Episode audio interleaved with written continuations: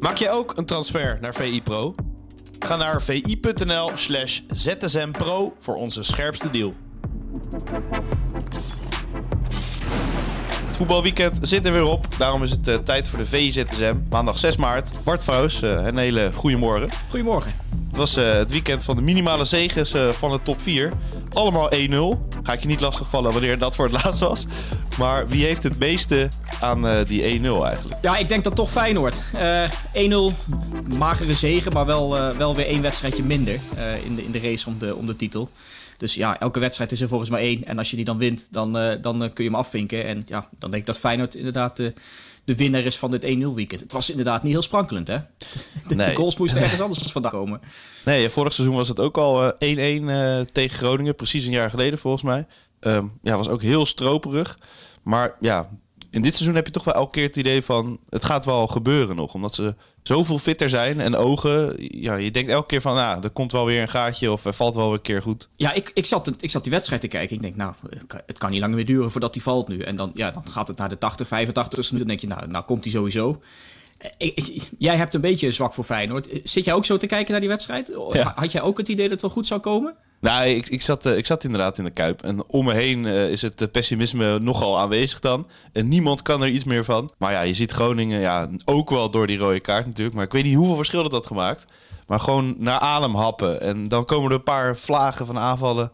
Ja, dan denk je ja, dan gaat hij nog wel vallen. Ik ben iets minder pessimistisch dan mensen om me heen. ja, maar de, ja, ik zag hem van mij even aankomen. Eh, en niet alleen omdat ik naar, naar de statistieken kijk, maar ook gewoon dat je... Ze kregen kans na kans. En dat was echt een soort ja, uh, het, het, voetbal toch wel makkelijker tegen 10 man. Uh, maar, ja, maar die kansen bleven maar komen. Dus ik denk, ja, nou, die, gaat, die gaat zo vallen. het is wel grappig, want het is, het is nu in dit kalenderjaar al de vierde keer dat, dat Feyenoord op, op, op deze manier nog, uh, nog punten pakt in, in de slotfase. Als je kijkt vanaf de 85e minuut hebben ze in totaal zes punten gepakt door, door de late goals. Wonnen van AZ Groningen, gelijk tegen Utrecht en PSV. Het is, wel, het is wel grappig. Ik weet, een wedstrijd duurt 90 minuten. Dat hoef je hem allemaal niet te vertellen. Maar, maar als je een stand maakt tot en met de 85ste minuut... staat Feyenoord nu vierde. Maar als je gewoon de hele wedstrijd neemt, staan ze eerste. Ze staan uh, vierde met drie punten achter op Ajax. Maar als je de hele wedstrijd neemt, staan ze drie punten voor op Ajax. Dus het, het, het geeft me aan uh, hoe goed die, uh, die slotfase is voor, voor Feyenoord. En hoe belangrijk die, die in de titelrace kan zijn. En en wat, dan, wat dan het verschil maakt, hè? Die, die fitheid en dat doorzettingsvermogen. Um, ik, ik, ik tweette dat afgelopen zaterdag na de wedstrijd. Toen stonden ze trouwens nog derde, nu, uh, nu vierde. En dan krijg je al mensen, ja, flauw statistieken, kinderachtig. Je, je wedstrijd duurt 90 minuten. Ja, ik, ik snap het. Maar het is meer om aan te geven uh, hoe belangrijk die, en cruciaal die, die slotfase kan zijn. En als je dan inderdaad nog de energie hebt... en misschien af en toe een beetje een mazzeltje dat je, dat je tegen 10 man speelt... ja, dan, dan komt die laatste vijf minuten heel goed uit voor Feyenoord. Nee, zeker. En uh, ik denk dat de, de clubs rondom Feyenoord een beetje beginnen te knijpen. Want normaal denk je van, ja, ze, hadden niet, ze hebben niet best, de beste selectie. En dat gaat wel een keer mis. Maar als je dit elke keer weer ziet en die herhaling ja, treedt constant op, dan denk je wel van, ja, misschien gaat het wel echt gebeuren. Ik zei het vorige week al. Weer zo'n goal van buiten de 16, hè? Nummer 18. Ja, ja. ja deze, we blijven bezig. Deze viel er wel, ma normaal, uh, wel op een manier in dat je dacht dat hij nog aangeraakt werd, inderdaad. Het voelde niet als een afstandsschot, laat ik het zo zeggen. Nee, dat klopt. Volgens mij was het ook gewoon een mislukte voorzet. Maar als je ze zo geeft, dan weet je dat hij er bij de tweede paal in kan waaien. Dus deze zijn levensgevaarlijk. Ja, uh, en, en uh, hij komt van buiten de 16. Dus ook die vinken weer, uh, weer aan. Hè? Dus de, nummer 18. Nummer 18. Dus nog zes goals en dan is het record van Ajax. In welk seizoen was het ook weer? 2006, 2007. Met, ah, met Snijder. Die zit er wel alle hoeken en standen in. Oh, wow. Dat is ook, dat is ook de enige ploeg trouwens die, die 20 plus goals heeft gemaakt van buiten de 16. Dus uh, ja, Feyenoord nog twee om in ieder geval die mijlpaal te evenaren. En dan uh, ja, nog door voor het record, zou ik zeggen. Ja, en dan uh, over Ajax. Het was niet overtuigend tegen NEC. Wel weer winst. Hij tegen ook na afloop die zeiden van ja... In het verleden hebben we wel eens, gingen, dat, gingen we naar voor de 2-0, kregen we door slechte restverdediging nog de 1-1 tegen. Is dit Ajax nou stabieler of, of is het gewoon heel stroperig en, valt het net goed? Ja, je kunt ook zeggen, het is, als je die quotes hoort, het is wat realistischer. Hè? Ja, dat, je, dat ze denken van nou, uh, laten, we, laten we nu gewoon zorgen dat we die, die 1-0 over de streep trekken. Het is, een, het is een beetje niet des Ajax, zeker niet als je thuis speelt in, in de eigen arena. Uh, maar ja, het is, wel, het is wel met een vies woord zakelijk. En dat, daar valt wat, wat voor te zeggen. Als er voor NEC een kans was om daar een keer een punt te pakken, dan was het wel gisteren. Hè? Ja, zeker. Het is toch wel jammer dat je dan niet, niet doordrukt en toch een beetje met, met angst in de broek daar, daar staat te ballen. Dat, ja, als je, je moet een beetje geluk hebben. Uh, Volendam had dat geluk met die, uh, met die wedstrijd die ze daar speelden. Met, uh, met, die, met, die, met die vrije trap van Eiting en die goal die erin gekopt werd. Um, ja, je, je, verwacht dan van andere clubs. Als je weet dat, je daar, dat er daar wat te halen valt, probeer dan iets meer. In plaats van een beetje dat, dat, dat op. Ja, we gokken op een momentje, maar we proberen het achterin vooral heel erg dicht te houden. Ja, ik vond, ik vond, het, ik vond het geen sprankelende wedstrijd. En een beetje zakelijk van Ajax en een beetje ja, bijna laf van NEC eigenlijk. Ja, wat, wat heb je te verliezen inderdaad als NEC? Want uh, als je, je verliest hem, ja, of, of je speelt hem gelijk, ja, een puntje verschil, dat gaat ook niet helemaal het verschil maken om de play-offs, denk ik. Je kan maar beter inderdaad uh, dan zo'n offensief inzetten. Maar ja. Ja, ja, en misschien speelt dan een beetje mee dat vorig jaar NEC daar compleet werd overrompeld. Uh, ja, vorig jaar was dat speelronde 1 dat ze daar in de arena speelden. Toen waren ze net gepromoveerd, kwamen, kwamen ze kijken daar uh, in de arena. En toen stonden ze, stonden ze binnen no time met 3-4-0 achter. Uh, bij rust stond het al 5-0. daar bleef het ook bij. na, de, na de rust had Ajax wat genade met NEC. maar, maar ik kan me voorstellen dat je dan denkt, oeh, zeker als trainer zijn, dat, we moeten niet weer in, die, in diezelfde val lopen. Maar ja, als je, als je na één helft ziet van ja, er, er valt misschien eigenlijk al wat te halen probeer het dan wat meer. Maar ja, zat er niet in. Nee, zeker. Dan uh, AZ en PSV, allebei ook een overwinning. Dan komt Twente en dan dus Sparta al. Wat een ongekende prestatie. 40 punten. Dat is echt, uh, daar zouden ze tevreden mee zijn. Of nou ja, heel erg blij mee zijn. Als het over tien wedstrijden zou zijn, hè? Ja, het is, het is absurd. Want als je kijkt naar de laatste 13 volledige seizoenen... hadden ze er in 12 aan het einde van het jaar minder dan 40 punten. Dus ze hebben nu nog 10 wedstrijden te gaan en nu al 40 punten. Ja. Het, is, het is absurd wat, daar wat daar gebeurt met, uh, met Stijn. Ze hebben gewoon een heel leuk elftal. En, uh, en ja, wat je, wat je gisteren dan vooral zag, is dat je uh, als je iemand hebt met een, met een fijne trap, zoals Vito van Krooi, ja, dan, dan heb je met die luchtmacht van, van Sparta een echt een uitzonderlijk wapen. Ehm, met uh, uh, ja, twee assists aan een corner. We werden door Vriends en uh, Laurens ingekopt. Het moet heerlijk zijn voor die Van Krooi om, om, om twee van die lange, lange gasten daarvoor in te hebben. Want je, je hoeft die hoekschoppen maar lekker in te draaien. En ze koppen ze vanzelf in. Staat nu op acht goals en acht assists van Krooi. Ja. Bij Sparta. Dat is toch wel, wel, wel uniek. En ja. ja. een hele fijne aankoop voor, voor, voor de Spartanen. Die, die Lauritsen. En ja, als je dan zo'n tandem hebt met Van Krooi-Lauritsen, dan, dan kom je een heel eind. Ja, want die, die een paar ton dan. Dat is voor Sparta-begrippen natuurlijk veel geld. Maar um, ja, als die zo presteert, is het weer niet veel geld. zijn ze gewoon heel erg aan het overpresteren? Of, of denk je dat Sparta ook echt wel thuis hoort rond die play-off plekken? Ja, met, met, metgeen wat ze nu het hele seizoen al laten zien... Uh, moet je toch nageven dat ze het, dat ze het goed doen. Uh, en dat komt denk ik ook door, uh, door de keeper. Um, die had al geen clean sheet uh, uh, dit weekend tegen Excelsior. Uh, wel weer een aantal, aantal goede reddingen. En die heeft gewoon al meer dan doelpunten voorkomen dit seizoen met zijn reddingen. Dus ja, als je dan over overpresteren hebt, dan zou je misschien bij hem kunnen zeggen... nou, die heeft het, het seizoen van zijn leven. Uh, en, als je puur naar die cijfers kijkt, vond ik het ook wel opmerkelijk. Uh, vrijdag werden de, werd de voorselectie van Oranje bekendgemaakt. Daar zat Scherpen bijvoorbeeld wel bij, van Vitesse, de doelman. Uh, nou ja, die keept geen bijster goed seizoen. Ook als je kijkt naar, ik, snap dat keeper meer is dan alleen ballen tegenhouden. Maar als je kijkt naar het, naar, het, naar het aantal doelpunten wat je hebt voorkomen of, of juist meer tegengekregen. Dan staat bij Scherpen, de, staat, staat hij in het rood. En niet zo'n klein beetje ook. 3,5 goal meer tegengekregen dan hij had mogen verwachten. Um, eh, en dan hoort hij bij de slechtere keepers van de Eredivisie, alleen op dat cijfer dan. Terwijl Olij, die heeft de beste cijfers van de Eredivisie, met, met zijn ruim acht doelpunten die hij voorkomen heeft. Ja, eh, ik zou zeggen, geef hem dan een keer de kans in plaats van, in plaats van Scherpen. Uh, misschien komt dat bij Scherpen door zijn link met Jong Oranje, uh, met, met, uh, bekend bij de KNVB. Dat, dat zou kunnen. Maar als je puur kijkt naar, hè, en ik snap dat keeper meer is dan alleen ballen tegenhouden, ook meevoetballen, al die andere ongein. dan snap ik niet dat je dan voor Scherpen gaat in plaats van, in plaats van Olij. Nee, maar zijn ze ja, als derde keeper, zijn ze dan niet op zoek naar een jonge keeper die zich kan ontwikkelen en zich op kan trekken aan de keepers boven, van boven hem, zeg maar, dat, dat je daarop selecteert. En dat Olij dan helemaal nou, niet voorkomt in die categorie, dus dan wordt hij niet geselecteerd. Misschien is dat de volgorde. Ja, dat zou kunnen hoor. Dat je met Scherp iets meer voor, iets meer voor de toekomst hebt. Ja. In plaats van, uh, in plaats van, uh, van Olij. Dat zou kunnen. Scherp is 23, Olij 27. Uh, dus, dus daar zou het verschil in kunnen zitten. Dus ja nou, ja, nou laat dat dan de verklaring zijn. Ja, ja ja, precies. Maar hoe vaak... zou ik het niet uit kunnen leggen. Nee, hoe vaak gebruik je je derde keeper ook natuurlijk? Dat, dat, is, dat is natuurlijk ook altijd de vraag. Maar ja, goed. Bij Sparta zingen ze in ieder geval heel vaak dat hij in oranje moet. Dus dat zal hem in ieder geval steunen. Ja, had wel een oranje shirt aan volgens mij. ja, altijd, altijd. Dat is de humor, ja. Start, ja. Waar, waar, zou hij terecht kunnen komen, denk je? Welke stap zou hij kunnen zetten als je zo naar uh, ja, top, uh, top 10 kijkt in Nederland? Poeh, uh, nou, ik heb de vorige keer al gezegd dat Brandenhorst, de reservekeeper van NEC, ook al bij een heleboel hoge, grote clubs kan, kan keepen. Onder de top 3, top 4 ongeveer. Nou ja, dat, volgens mij keept hij nu bij een club die, die hoger in de eredivisie staat. Ja. Moet het toch gek veel hoger? het, ik moet ook eerlijk zeggen, het, in, die, in de voorgaande seizoenen um, viel hij me ook nooit zo extreem op. Nee. jarenlang in de eerste divisie gekiept. Uh, dus dan, dan, ben je sowieso al iets minder, uh, minder op, de, op de radar. Uh, nu doet hij het dan goed in de eredivisie. Ja, laat hem daar eerst een paar jaar con, consistent goed keepen en echt wekelijks uitblinken. 1, 2, 3 seizoenen lang. Maar ja, dat hij, dat hij goed is, dat, dat bewijst hij dit jaar wel inderdaad. Nou ja, ik zat misschien uh, bij Twente als Oenerstal een keer weggaat, want die keept natuurlijk al een aantal seizoenen heel goed. Ja, is daar een keeper nodig? Ja, dat, dat zou misschien daar, zou je kunnen inderdaad. Dat zou het kunnen, maar dat zou, daar zou je Brandenhorst ook weer voor, voor kunnen doorschuiven.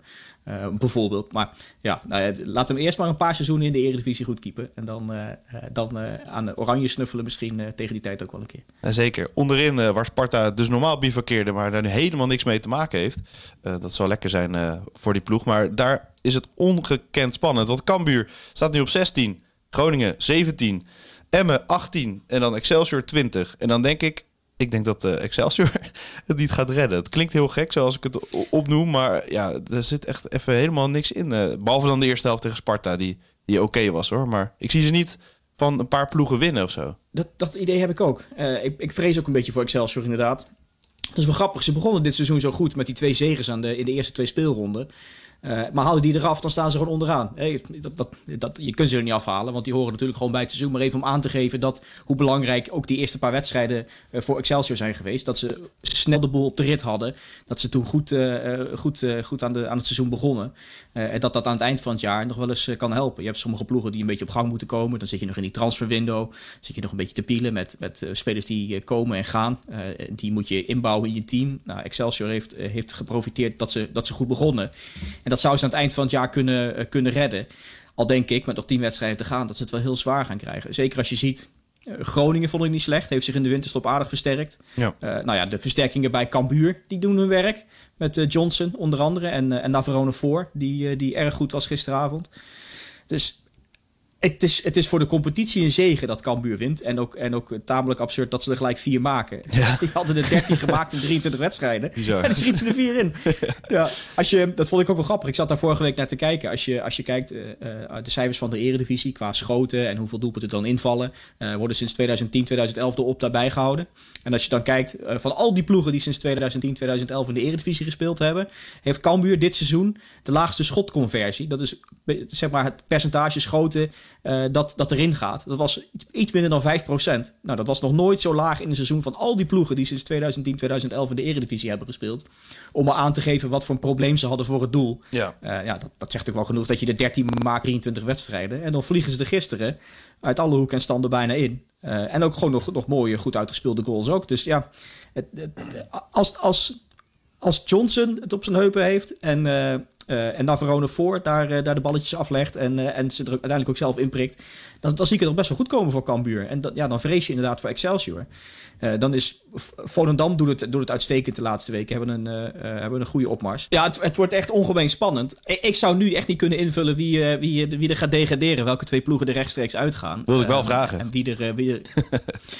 ja, dat snap ik. Nou, laat ik dan zeggen Excelsior Emmer er rechtstreeks uit. En Cambuur na competitie. Dat zeg ik nu met nog tien wedstrijden te gaan. En een Groningen vijftiende? Of niet? Uh, die zit er nog tussen namelijk. Nipt. Nipt, oké. ja, die, die, gaan dan nipt, nipt 15 worden. En dit is, ik, ik, dit, is echt gebaseerd op, uh, op de, de, thee die ik drink op maandagochtend. Hè. Dit, uh, Wat voor thee is het? Ik me niet vast. ik heb geen idee. Okay, Winter, wintertijd, maar het is, het, is, het is al lente, dus dat gaat ook nergens meer over. oké. Okay. Mooi. Wat, wat nog meer kakzinnig was trouwens, om daar uh, op aan te sluiten op Cambuur. Liverpool wat met, met 7-0 wint van Manchester United. Echt een krankzinnige wedstrijd. En Cody Gakpo is echt helemaal los. Op VI.nl was dat het meest gelezen. En op VI Pro de analyse van Pieter Zwart. Dus die pakken we even samen. Het was echt een, uh, echt gala-voorstelling voor Liverpool. Die, die waren opeens helemaal terug. En nog meer eigenlijk. Ja, ja, en daar, daar leek het de eerste helft eigenlijk niet echt op, hè? Nee. Ook als je kijkt naar... De, Liverpool was wel de bovenliggende partij, meer balcontact in de 16, dat soort dingen. Maar als je puur kijkt naar bijvoorbeeld expected goals... dan, dan zat er niet eens zo heel veel tussen die twee ploegen in de eerste helft. Maar in de tweede helft was het een soort ja, eh, gala-voorstelling. De, de, alle sluizen gingen open. Ik vond, ik vond het mooie bij dat pro-stuk van Pieter, uh, zijn eerste zin eigenlijk... Uh, waarin hij schrijft: Een paar maanden geleden was het een krankzinnige gedachte. Cody Gakpo en Wout Weghorst op het middenveld tijdens een Engelse topwedstrijd. Ja. Nou, dat, dat kan ik wel wel redelijk in vinden. Uh, met, met dan Cody Gakpo als de, als de absolute winnaar. Eh, in, die, eh, in die tweestrijd. Uh, ja, heerlijk. Los van, voor, los van dat het een soort bevrijding is voor hem. En dat hij ook in de media wordt geprezen over ja, dat, dat het een soort openbaring was hoe die, hoe die presteerde. Maar toch ook heerlijk voor het Nederlands elftal. Met, met, met spelers die niet echt in vorm zijn de laatste weken. Bergwijn bijvoorbeeld. dat je in ieder geval Gakpo achter de hand hebt om... achter de hand, die moet gewoon in de basis staan zou ik nu zeggen. Met, met dit onder andere. En wat hij wat nou laat zien bij, bij Liverpool. Maar dat je, dat je spelers hebt die weer op dit topniveau excelleren. Ja, dat is toch wel lekker. En dat die wedstrijd dan 7-0 eindigt. De evenaring van de grootste nederlaag van Manchester United ooit. Je moet terug 90 jaar geleden, wanneer het voor, toen het voor het laatst gebeurde. Ja, wat, wat een krankzinnige wedstrijd. Gewoon historie geschreven. En dan staat Gakpo ook na afloop tegenover collega's van Viaplay, eh, Bart Nolles volgens mij. Ja, ja, nee, een goede wedstrijd gespeeld. En uh, denk van, hoe dan? Hoe kan je zo, zo droog reageren na 7-0 op Manchester United? Want die supporters, nou, die haten het nog net niet. Manchester United, als sommigen misschien wel. Maar het is natuurlijk ook echt een krankzinnig belangrijke wedstrijd voor Liverpool. Hoe kan je dan zo rustig blijven na afloop?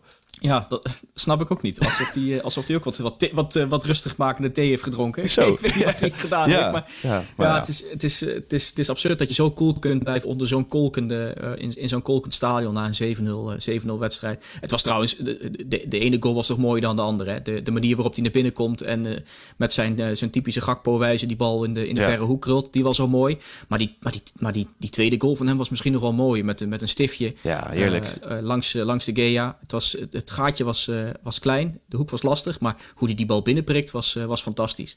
En ik vond het wel, ik, ik, ik moest denken, toen ik die beelden zag van die wedstrijd, moest ik denken aan, uh, aan wat Mario Been deed tijdens PSV Feyenoord. Ik wil niet weer een oude wond openhalen voor de Rotterdamse luisteraars, maar dat, je, dat, je, dat je compleet afgedroogd wordt en dat je maar dat je wel blijft staan. Als in van, ik ga voor mijn team staan. Ik, ja. had het idee dat, dat, dat Ten Hag, dat, je zag de shots van Ten Hag. Hij stond daar, schijnbaar onbewogen. Hij zal koken van binnen natuurlijk.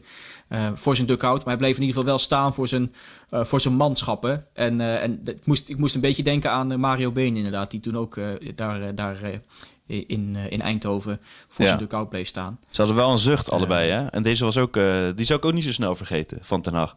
Je zag zo'n zo'n interne, zo van ik moet me proberen in te houden. Maar dan het, het kon nergens meer heen. Dus er kwam wel een zucht uit toen de camera erop stond. Zal hij misschien nog wel van balen ook. Want hij denk, ik denk dat hij als een standbeeld uh, had willen blijven staan. Maar ja, het kon niet anders. De frustratie zit er dan toch. Nee, en... gelaatheid misschien ook wel tegelijkertijd. Ja, en, en dan moet je, je moet dan ondertussen ook nog gaan bedenken hoe je dit gaat verklaren hè? Ja.